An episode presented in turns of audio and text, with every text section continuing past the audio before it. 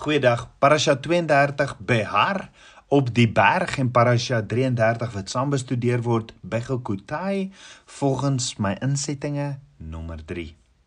In Levitikus 26 vers 3 staan: As julle in my insettinge wandel en my gebooie hou en dit doen, sal ek julle reëns gee op die regte tyd en die land sal sy opbrengs gee en die bome van die veld sal hulle vrugte gee. Met ander woorde om op 'n Vader se insettinge en gebooie te hou en dit te doen is die sleutel wat die deur tot ware lewe en oorvloed oopsluit. Insetting in Hebreëus is chukah wat verwys na Abba Vader se 10 gebooie. Hebreërs 8 vers 10 sê, want dit is die verbond wat ek na die dae sal sluit met die huis van Israel, spreek die Here. Ek sal my wette in hulle verstand gee en dit op hulle harte skrywe en ek sal vir hulle God wees en hulle sal vir my 'n volk wees. Nou die 10 gebooie is Abba Vader se fondasie waarop al Abba Vader se onderrig en instruksies staan. Dit is Abba Vader se geregtigheid in Yeshua. Wandel in Hebreëus is halak wat verwys na die bestudering van die Torah. Dit is om Torah dag en nag te oordink soos wat Abba Vader in Joshua 1 vers 8 vir Joshua sê hierdie wetboek mag nie uit jou mond wyk nie maar bepeins dit dag en nag sodat jy nou geset kan handel volgens alles wat daarin geskrywe staan want dan sal jy in jou weë voorspoedig wees en dan sal jy met goeie gevolg handel met ander woorde is om nou geset te handel volgens Abba Vader se elke woord 1 Johannes 2 vers 3 sê en hieraan weet ons dat ons hom ken as ons sy gebooie bewaar. Dit is dus 'n soeke na Abba Vader se hart en om sy liefde te beantwoord deur sy elke woord te shema, shema wat beteken heer listen and obey. Gebooie in Hebreëus is die woordjie mitzvot wat beteken riglyne hoe om te lewe. Dis die grense van wat heilig en onheilig is, asook die grense van wat rein en onrein is. Abba Vader se instruksies bepaal die grense waarbinne ons in vryheid sonder vrees kan lewe. Om die gebooie te hou in Hebreëus is die woordjie shamar wat beteken om dit te beskerm met jou hele hart en om 'n skat, 'n onskatbare waarheid daaraan te ag. Psalm 119 vers 47 tot 48 sê en ek wil my verlustig in u gebooie wat ek liefhet en my hande ophef na u gebooie wat ek liefhet en u insettinge oordink. Dan laastens om op 'n Vader se gebooie te doen in Hebreëus is die woordjie asa wat beteken om presies te doen wat Abba Vader se woord, sy Torah ons beveel om te woord, om te doen. Met ander woorde, Ons bestudeer Abba Vader se woord met die doel om die onderrig en instruksies van Abba Vader te leer en ons leer dit met die doel om dit in ons daaglikse lewe toe te pas om dit te leef. Ons bestudeer nie net Abba Vader se woord met die uitsluitlike doel om ons kennis te vermeerder nie. Nee, ons wil die kennis toepas want dit is bewys van ons vertroue in Abba Vader en bewys van ons getrouheid aan hom. En Johannes 2 vers 5 sê: "Maar elkeen wat sy woord bewaar, in hom het die liefde van God waarlik volmaak geword. Hieraan weet ons dat ons in hom is." Jy sien die einde van Levitikus. Parasha Begokutai los ons met 'n besluit. Gehoorsaam aan Abba Vader en jy's geseën. Wie is ongehoorsaam aan Abba Vader se instruksies en daar is vloeke. So dink daaroor. Maak dit Abba Vader net 'n vreesaanjaende God of is daar iets meer hier?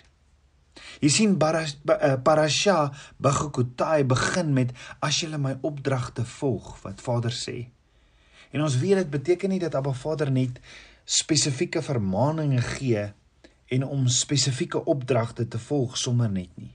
Nee, dis baie spesifieke opdragte want as ons aan die einde van hierdie parasha of deelte gaan kyk, sien ons verskriklike dinge wat sal gebeur as ons nie die opdragte Shema, Heer, luister nou by wat Abba Vader vir ons gee nie. Maar as ons in 'n Papa God se weë wandel, dan sal hy saam met ons wandel. Soos wat Abba Vader ook saam met Adam en Eva in die tuin van Eden gewandel het. Het hierdie laaste 2 hoofstukke in Levitikus enige iets te doen met die oorspronklike skepingsverhaal toe Abba Vader die mens vir die eerste keer in die tuin geskep en geplaas het? Kan dit wees? Kom ons kyk. Die mens word geskaap op die 6de skepingsdag. En toe dit gebeur, seën Abba Vader die mense en sê in Genesis 1:26a, laat ons mense maak na ons beeld, na ons gelykenis en laat hulle heers. En seën die mens in Genesis 1:28a en daar staan en God het hulle geseën en God het vir hulle gesê wees vrugbaar en vermeerder en vul die aarde. Met ander woorde, wees vrugbaar, vermeerder, vul en heers. Maar heers oor wat? In Genesis 1:28b sê Abba Vader: "Wees vrugbaar en vermeerder en vul die aarde, onderwerp dit en heers oor die visse van die see en die voëls van die hemel en oor die diere wat op die aarde kruip." En nie net met Adam en Eva heers oor die diere nie, want Abba Vader sê ook in vers 29: Ek gee nou aan julle al die plante wat saad gee wat op die hele aarde is en al die bome waar boomvrugte aan is wat saad dra. Dit sal julle voedsel wees. Dit word net so herhaal in Parasha Begukutai. Dit wat in Genesis staan. Ja, alles in Begutai herinner ons aan die tuin van Eden, want Abba Vader begin in hierdie parasha heel eers met en ek sal jou vermenigvuldig. En dis die eerste deel van die seën. Dan die volgende deel van die seën aan die mens was jy sal heers oor die land. Net so staan daar in Levitikus 26 vers 6 tot 8, dan in Levitikus 26 vers 9 tot 12 kry ons ook die gedeelte van die seën waar Abba Vader sê en ek sal my na julle wend en julle vrugbaar maak en julle vermenigvuldig en my verbond sal ek met julle bevestig.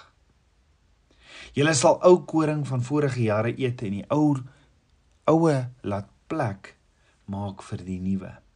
En ek sal my tabernakel on julle, onder julle oprig en my siel sal van julle geen afskeid hê nie. En ek sal in julle midde wandel en vir julle God wees en julle sal vir my 'n volk wees. Met ander woorde, elke enkele element van die seën in Genesis 1 verskyn in hierdie laaste 2 hoofstukke van Levitikus. So hoekom? Hoekom sal dit wees? Want net soos wat Adam en Eva saam met Abba Vader in die tuin kon wandel, stap en hy by hulle was, so gee hy die mens 'n tweede kans om weer saam met hom te wandel. Abba Vader het probeer om saam met Adam en Eva in die tuin te wandel, maar dit het nie gebeur nie. Adam en Eva het gehoor hoe hy saam met hulle in die tuin wou kom loop, maar hulle het vir Abba Vader weggekruip omdat hulle gesondig het, omdat hulle Abba Vader nie gehoorsaam het nie. Want wat is sonde nou weer? Ongehoorsaamheid aan Abba Vader se woord, 1 Johannes 3 vers 4. Maar dat die kinders van Israel verlos is deur die bloed van die lam, kom gee Abba Vader weer sy instruksies waaraan ons gehoorsaam moet wees. En dalk vra jy, ja, maar watse wette moes Adam en Eva gehoorsaam het? Die tuin van Eden het twee spesiale bome gehad: die boom van die lewe en die boom van kennis van goed en kwaad. As hulle van die boom van die lewe geëet het, sou dit hulle die ewige lewe gegee het. Maar as hulle van die boom van kennis van goed en kwaad geëet het, sou hulle sterf het hulle gesterf.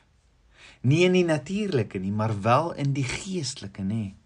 So dink daaroor, hoe kan een boom jou dood gee en 'n ander boom jou lewe gee? Of was daar een of ander meganisme waardeur hierdie boom lewe of dood verleen het? En indien wel, wat was die meganisme? Kom ons dink mooi daaroor. Wat sou hulle die ewige lewe gegee het? Of kom ons dink nie daaroor nie, kom ons hoor wat sê ons koning. In Matteus 19 vers 10 kom 'n ryk man na Yeshua toe en vra vir hom: "Goeie meester, watter goeie dinge moet ek doen dat ek die ewige lewe kan hê?" En Yeshua sê vir hom: "Waarom noem jy my goed? Niemand is goed nie behalwe een, naamlik God. Maar as jy in die lewe wil ingaan, onderhou die gebooie."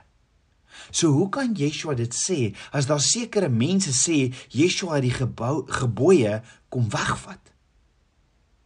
Tabernakelskind van Abba, die enigste manier vir 'n mens om die ewige lewe te kan hê, is om in Yeshua te glo as jou saligmaker en verlosser en om aan Yeshua vas te leef met jou hele hart.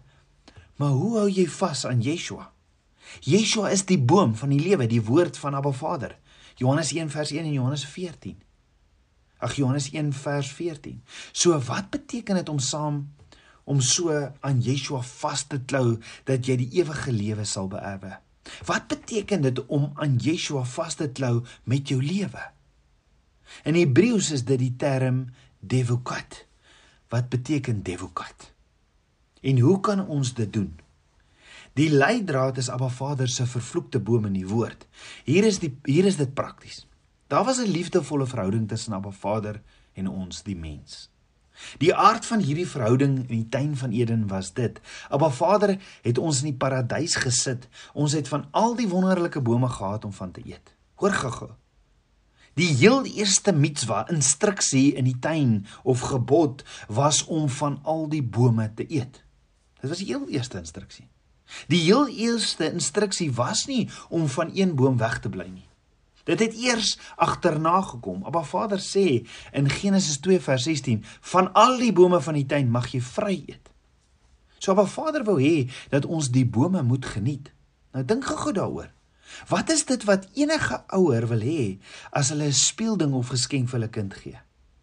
Hulle wil sien hoe die kind die speelding of geskenk geniet, is dit nie? Net so waar Abba Vader gesien, gesien het hoe Adam en Eva die bome in die tuin geniet. Abba Vader sê geniet die bome, maar dan sê hy verder in Genesis 2 vers 17, maar van die boom van die kennis van goed en kwaad, daarvan mag jy nie eet nie, want die dag as jy daarvan eet, sal jy sekerlik sterwe. So dalk vra jy maar, maar waarom het Abba Vader dan hierdie boom wat Adam en Eva nie mag eet nie in die tuin gesit, as hy nie wil hê dat hulle daarvan moet eet nie? En Abba Vader leer my As ek as ouer 'n speelding of 'n geskenk aan een van my seuns gee, wil ek as ouer nog een ding hê. Behalwe dat ek wil hê dat my seuns die speelding of geskenk moet geniet. Wat is dit? Wat is daar nog? 'n Ouer wil hê dat die kind moet verstaan dat die speelding of geskenk van my as ouer kom. Dit was 'n geskenk uit liefde. Die kind moet dit nooit uit die oog verloor nie dat ek as ouer vir hom of haar liefhet en daarom het ek as ouer vir hulle die geskenk gegee. Die kind kan nooit die illusie skep dat die speeldink of geskenk nog altyd daar was nie.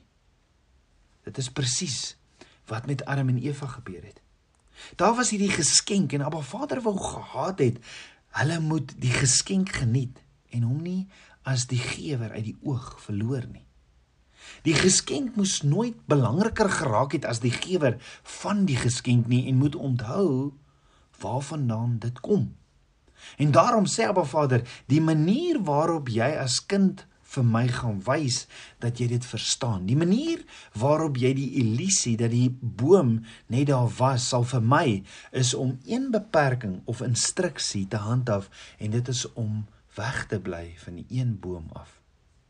Met ander woorde, as jy by hierdie een beperking of instruksie hou, dit is hoe jy verstaan dat alles anders 'n geskenk is. Dat Abba Vader die meester, die skepper van die tuin is en dat alles van hom afkom. Psalm 24 vers 1 sê alles behoort aan hom. Deur dit te doen vermy jy Abba Vader se vloeke. Deur dit te doen kleef jy aan Abba Vader se woord vas. Maar as jy wegloop en hom nie gehoorsaam nie, dan sal daar vloeke wees want dan vertrou jy nie sy ewigheidsperspektief nie. As jy dit doen, as jy van die aangename vrugte van al die bome eet en jy aan hierdie een beperking of instruksie vasleef, weet jy wat jy dan doen? Jy devakut. Jy klou aan Abba Vader vas. En verborge tussen al hierdie ander bome in die tuin, reg in die middel van die tuin, die boom van die lewe.